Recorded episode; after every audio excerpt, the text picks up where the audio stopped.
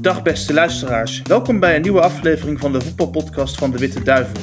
Wij willen starten met u allen een gelukkig, gezond, sportief en mooi 2022 te wensen. En dan gaan we snel over naar de podcast, want afgelopen vrijdag werd bekend dat zo ongeveer de volledige top en iedereen die iets te maken heeft met het Belgisch voetbal in verdenking is gesteld. Gelukkig heb ik nog twee mensen gevonden die voorlopig schone handen hebben. Eddie Snelders en François Collin. Met hen gaan wij bespreken het eerste voetbalweekend in België van 2020. François, ik geef u het woord. Dankjewel Jan-Willem. We gaan er met uh, vuile voeten doorgaan. Eddie, uh, nog verbaasd door wat er uh, in heel die affaire proper handen naar buiten is gekomen?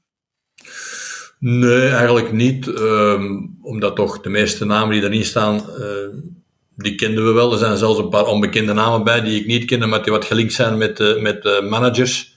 Maar nee, eigenlijk niet. Het is natuurlijk zo dat de, een, de ene beschuldiging al anders zit dan de andere. Dus we mogen ze niet allemaal over dezelfde kam uh, scheren. Maar goed, oké, het, zal een hele beweging zijn. Hè. Uh, 6 of 58 namen die uh, moeten verhoord worden, eventueel, want we zitten nog maar in de eerste fase.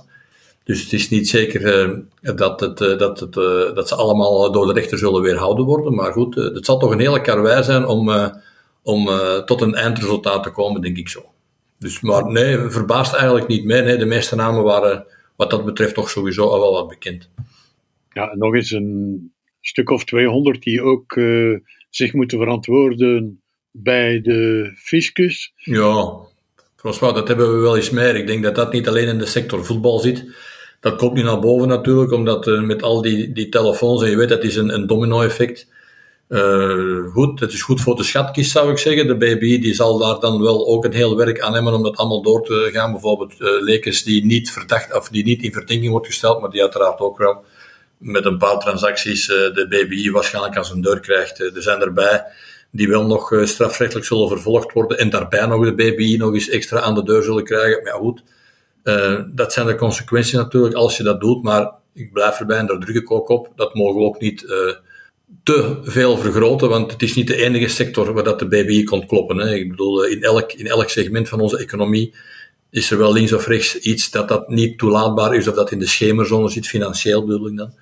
En uh, ja, goed, als je dan daarin gepakt wordt, dan, uh, ja, dan, moet je daar, dan moet je daar de consequenties van dragen. Maar dat is een ander gegeven dan bijvoorbeeld het strafrechtelijk uh, luik, waar dat je dus wedstrijden gaat vervalsen, shiftvervalsing gaat doen. dat, dat zijn andere zaken, vind ik, dan proberen op een of andere manier de fiscus, of zo weinig mogelijk aan de fiscus te betalen. Ik denk dat dat voor elke Belg zijn goed recht is om te proberen zo weinig mogelijk belastingen te betalen. Maar goed, als je in de schemerzone gaat duiken, ja, dan heb je het risico dat je natuurlijk ingepakt. Ja, Hein van Azenbroek liet zich blijkbaar betalen in potgrond en mest. Wat moet ik mij daarbij bij voorstellen? Ja, die man die was in een, die was in een tuin aan het aanleggen.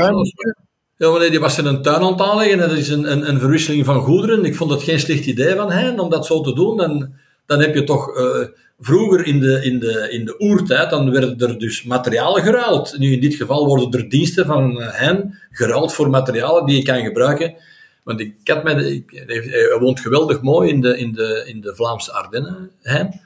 En uh, dat was een, ik heb er eens één keer voorbij geweest bij hem. En dat is een hele grote, een huis met een heel groot stuk grond. En ik kan mij wel inbeelden dat hij op dat moment gezeten heeft. Bezorg mij dat, maar dan kan ik verder met mijn tuin. Dus ik vond het geen, het klinkt bizar, maar ik vond het op dat moment in zijn geval geen, geen onpraktische reden, eerlijk gezegd. Dus. maar het mag blijkbaar niet, ruilhandel met. Uh, dus het mag ook niet. Dus misschien wist hij het zelf niet, stel je voor. Ja, hij is een beetje naïef. Hè? um, de Gouden Schoen werd ook toegekend vorige week, Eddie. Uh, Paul Nwachu. Terecht, vind je? Niet in de tweede ronde, hè. Maar dat is natuurlijk het verdikt dat je krijgt met een, uh, een optelling van twee rondes. Uh, waar dat dan de ene ronde waar dat hij nog wel, uh, vond ik, heel sterk speelde. En de tweede ronde waar, dat het minder was, waar dat ook minder gespeeld heeft. Maar als je dan genoeg punten vergaard hebt in die eerste ronde, dan kan je stand houden in die tweede ronde. Dat even, eventueel ook iemand van Brugge kunnen zijn die die twee stemrondes nog actief was in België. Dat is nu niet het geval. Uh. Het is hem gegund, want uh, ik dacht in de vorige campagne dat hij er eigenlijk uh, net was naast gegrepen. Toen had hij ook een hele goede periode. Dus zeker en vast, het zal ook Genk deugd doen, want Genk is er al vrij gevoelig aan, aan, aan het gouden schoenen tafereel. Dus ook denk ik uit Genkse zijde zal hij ook in die tweede ronde misschien nog wel de nodige stem hebben gekregen. Jawel, denk het wel. Ik vond ook de jongens van Union vond ik ook eigenlijk waardige challengers. Ik vond ook twee of drie Bruggelingen waardige challengers. Maar oké, okay, het, het, zal het, het samentellen zijn van de twee stemrondes die bepalend is geweest. Dus oké, okay, nee, ik kan me er wel mee verzoenen. In het weekend werd er dan uh, toch uh, weer gevoetbald, uh, hoewel KV Mechelen vond dat het niet naar Leuven moest gaan. wat, wat vind je daarvan? Tja, ja, ja, ja en nee. Hè. Het is, er is natuurlijk al heel veel commentaar over gegeven. Um, Oké, reglementen zijn er om nageleefd te worden aan de ene kant. Dus ja, eigenlijk had Mechelen moeten gaan. Aan de andere kant zijn die reglementen misschien zo een beetje absurd en extreem uh, samengesteld dat het inderdaad uh, verdedigbaar is uh, dat je dan toch niet gaat. nu heb ik weer ge gehoord, twee uurtjes geleden, dat die regels weer zijn bijgesteld naar de volgende wedstrijden toe. Dus ja, ook de Pro League is aan het zoeken en het tasten om een, om, om, om een juist geheel te krijgen, om, om iedereen op, de, op dezelfde lijn te krijgen, wat in België sowieso niet makkelijk is. Alleen dus nu afwachten, wat gaat Mechelen doen? Nu morgen zeker, hè? want nu hebben ze ineens een vooruitgeschoven wedstrijd tegen Gink te spelen. Hoe gaan ze daarop reageren? Ga je dan die ene wedstrijd die je niet hebt gespeeld door uh, coronaregelen, ga je dan dat nu overboord gooien om de volgende wedstrijd wel te spelen? Of ga je nu zeggen van, kijk, uh, ik, ik verzoen mij met het verdict van, van, van tegen Leuven en ik ga nu wel spelen morgen. Ik vind het allemaal, ik vind het vrij troebel. Ik vind het ook vrij ondoorzichtig. Ik vind het ook een moeilijke, formules. Dus voor de buitenstaanders is, het, is geen, geen is, is het niet aan elkaar te knopen waarom dat sommige ploegen bepaalde spelers wel. Dus met 30% regels. En, en nu is het weer vanaf dat ze aangesloten zijn, dat ze moeten gaan tellen. Dan zijn de minuten weer niet meer. Ik bedoel, ze maken het heel complex, maar ik begrijp wel dat er op zeker moment een reglement daarvoor moet opgesteld worden, omdat je anders, ja, het is nu al Kafka. Dus stel je voor dat daar geen, geen duidelijke uh, regelgeving voor bestaat, ja, dan raak je er sowieso helemaal niet meer uit. Het is wel zo dat elke ploeg die op een of andere manier verzwakt is, zich al heel makkelijk of makkelijker beroept op die coronaregels dan andere ploegen. En het is niet alleen de corona, en dat stoort mij dan wel mateloos. Het is niet enkel de corona, wat dat gebeurt, maar het zijn ook dan nog de internationale verplichtingen. Mensen die worden opgeroepen door, door, door onder andere de Afrikaanse landen die dan afwezig zijn, die dan ook daardoor gebruik maken om die wedstrijd toch wat te manipuleren of uit te kunnen stellen. Ja, nu ben je heel ver weg van, van eigenlijk je eigen doel. Het doel van een ploeg is van Oké, je stelt een kern samen die evenwichtig is en waar je het ganse jaar behouden ziekte mee beter kunt. Maar nu worden natuurlijk allerhande andere elementen bij aangevoerd, op de COVID bovenop, om toch maar te proberen van die wedstrijd in een of andere vorm uit te stellen.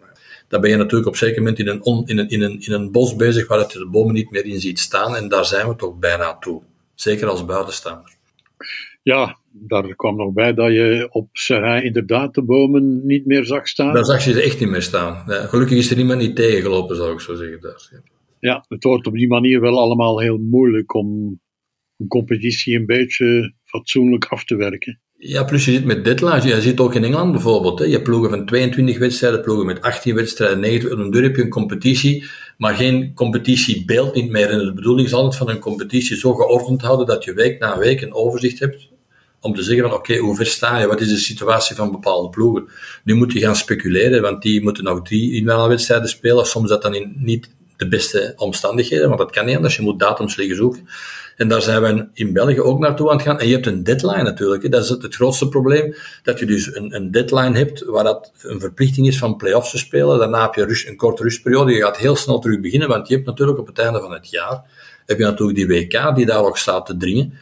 En het, het is al een, een enorm overbevolkt uh, programma dat je voorgeschoteld krijgt. Dus eigenlijk moet je nog hopen dat er niet te veel winter komt. Nu, met die opwarming van die aarde zit die, zitten die winters er hier minder en minder aan te komen. Maar stel je toch maar eens voor dat je nog links of rechts uh, nog, nog een opschuiving krijgt door het weer. Want alle, alle uh, verwarmingstoestellen gaan waarschijnlijk ook weer niet werken op alle velden. Dus, dus dan, moet je ook nog eens rekening mee houden. Dus je hebt op zeker moment zo'n tekort aan data dat er, dat er ook geen, geen uitwijkmogelijkheden meer zijn. Want voor die eerste speeldag bijvoorbeeld te laten uitwijken, dan, was er al sprake van, van op een dinsdag om, om, om, om één uur te beginnen, om alle wedstrijden achter elkaar te kunnen kijken op een dinsdag.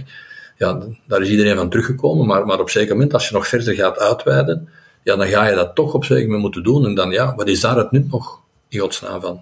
Het is nu wel zonder toeschouwers, maar ja, zelfs met toeschouwers heeft het dan eigenlijk eh, heel weinig nut. Hier en daar werden dan toch nog uh, gevoetbald, Eddie. Uh, Alfred Schreuder won met Club Brugge zijn eerste wedstrijd. Wat vond je ervan?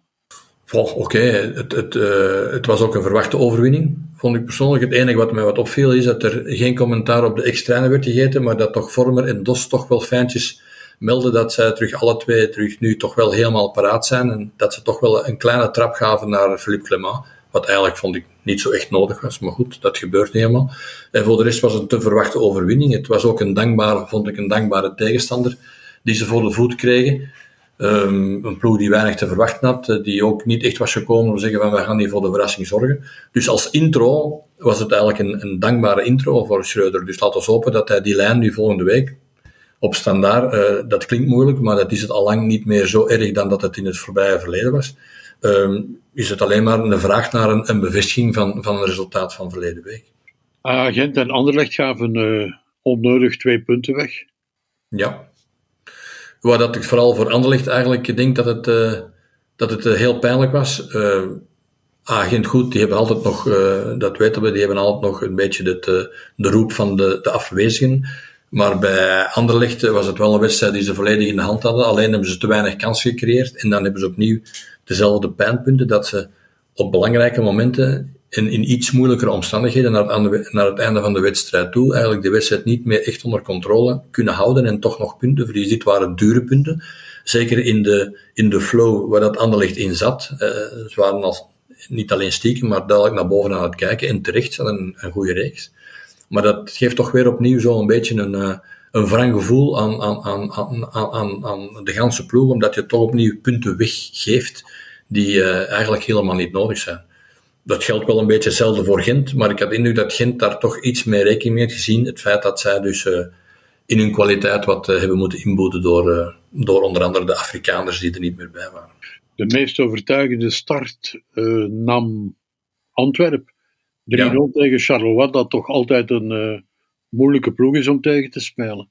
Ja, behalve uh, blijkbaar dan toch zondag, want ik moet zeggen dat Antwerpen daar vrij vlot afstand van nam. Het scenario van de wedstrijd zat goed. Uh, waren dominant en scoorden ook op vrij korte tijd twee doelpunten, wat natuurlijk een redelijk comfortabele situatie is. Maar ze hebben dat ook gecreëerd en terecht gecreëerd. Mooi doelpunt, goed uitgespeeld. En dan kan je wel zeggen, ja, Charleroi, dat was misschien een van de slechtste uitwedstrijden van Charleroi dit seizoen. Goed, oké, maar het een hangt altijd een beetje met het ander samen. Antwerpen heeft daar ook uh, goed op ingespeeld, heeft dat goed uitge, uitgediept en, heeft, in die, die ganse wedstrijd eigenlijk nooit in de problemen gekomen. Dus dat was uh, wat Antwerpen betreft hoopgevend, toch tegen een rechtstreekse tegenstander, want Charleroi was toch opnieuw aan het opschuiven en, richting top 4, hè, zeker met die punten die er dan uh, bij standaard waren bijgekomen. Dus het was een belangrijke zege. En ik denk dat dat voor het vertrouwen van, uh, van Antwerpen op zich. Het is een van de eerste keren trouwens dat ik geen commentaar heb gehoord, want je weet hoe snel dat ze zijn. Vooral op hun trainer. Uh, maar ik moet zeggen dat dat weer helemaal is uitgedijnd. Er is, uh, staat niet meer in vraag op dit moment. En dat zijn altijd tekenen dat het in het geheel, met het Antwerp geheel, eigenlijk uh, vrij vlot draait. Dus ik denk dat zij een, een heel sterke start hebben genomen voor 2022. Ja de wintermercato is over de helft en er lijkt weinig te gaan gebeuren. Ja, goed. Ofwel is er een gebrek aan geld, ofwel uh, ziet iedereen zich wat te brusten in zijn eigen situatie. Dus we moeten nog even afwachten natuurlijk. We weten altijd dat in die laatste fase er altijd nog wel links en rechts wat, uh, wat ver, verschuivingen kunnen zijn. Maar ik, ik denk echt grote verrassende dingen die zitten er eigenlijk niet aan te komen. Iedereen had verwacht dat er bij Union nog wel het een en ander zou gebeuren. Er is wat gebeurd, er is wat ingekomen, maar er is eigenlijk tot grote spijt, denk ik, vooral van de, van de toplogen, eh, is er niemand niet weggegaan. En dat wil dus zeggen dat Union toch uh, competitief gaat blijven tot de laatste dag van deze competitie. En dat wil toch wel wat zeggen, gezien hun situatie. Maar voor de rest, ja, standaard, ja, daar wordt nog van verteld dat er nog een paar sterrenkouders gaan vertrekken. Ik hoop voor hen van niet, want plaats 15 of plaats 14 geeft je nog altijd niet de geruststelling dat je een uh, zorgeloos seizoen gaat verder spelen. En dat is sowieso al niet het geval voor standaard op die situatie, maar het kan daar alleen maar erger worden. Dus ik hoop voor dat dat niet het geval zal zijn. En voor de rest is het eigenlijk, ja, daar wordt gezegd, Gomez gaat misschien nog vertrekken op Anderlecht, heb ik ergens gehoord. Ook uh, bij Brugge zeggen ze nog dat er nu en dan misschien iemand gaat vertrekken, maar je weet hoe die speculaties zijn. Ik heb de indruk dat het eigenlijk wat dat betreft niet direct de grootste namen zullen zijn die nog zullen vertrekken. Grote namen uh, die echte ploegversterkingen moeten zijn. Ofwel vertrekken ze naar het buitenland in de januari-mercato, ofwel blijven ze tot het einde van het seizoen en wordt er dan uiteraard uh, op een andere manier onderhandeld. Dus ik denk niet dat wij nog wereldschokkende uh, namen van ploeg zullen zien veranderen. Oké, okay. bedankt Eddy. Graag gedaan, François. Super, ik wil graag Eddy en François hartelijk bedanken voor hun tijd en hun analyse. Ik wil u allen bedanken voor het luisteren en hoop u volgende week opnieuw te mogen begroeten. Nog een prettige dag gewenst.